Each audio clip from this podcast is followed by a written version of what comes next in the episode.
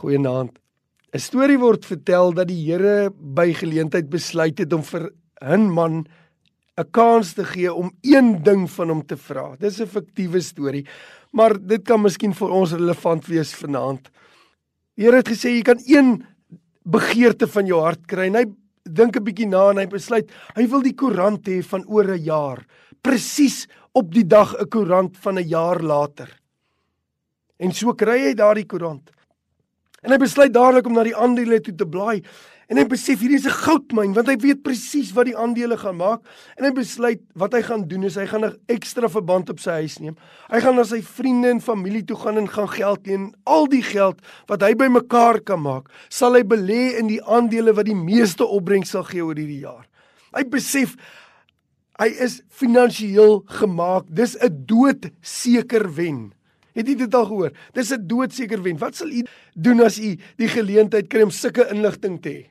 Ek weet nie. Ek is te dom vir aandele, maar miskien sal u daaroor opgewonde raak.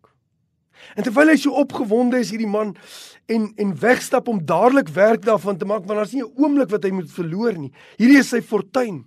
Sit hy die koerant neer en die koerant waai. En soos wat hy waai, waai op die sterfberigte. En hy sien sy eie foto en sy eie naam. Hy is die vorige dag oorlede. En ek die storie hoor, dink ek so aan Jesus se woorde wat sê wat baat dit jou om die wêreld te wen en aan jou siel skade te ly. Jesus vertel 'n gelykenis en dan sê hy 'n 'n dwaas was wat al sy hoop gesit het op dit wat hy bymekaar gemaak het en toe gedink het hy het genoeg bymekaar gemaak vir baie jare.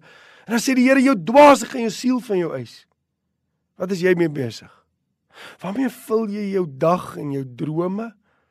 Is dit om bymekaar te maak want Prediker sê jy maak bymekaar vir iemand anders? Waarvoor is jy besig om jouself af te sloof? Waarmee is jy besig, meneer? Waarmee is jy besig? En ek dink aan Jesaja 55 wat sê o almal wat dors het, kom kom en drink.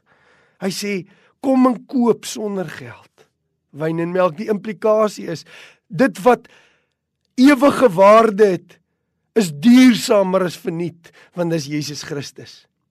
Wie die die Bybel sê moenie bymekaar maak hier waar mot en roes verniel en diewe inbreek en steel nie, maar kry vir jou skat in die hemel.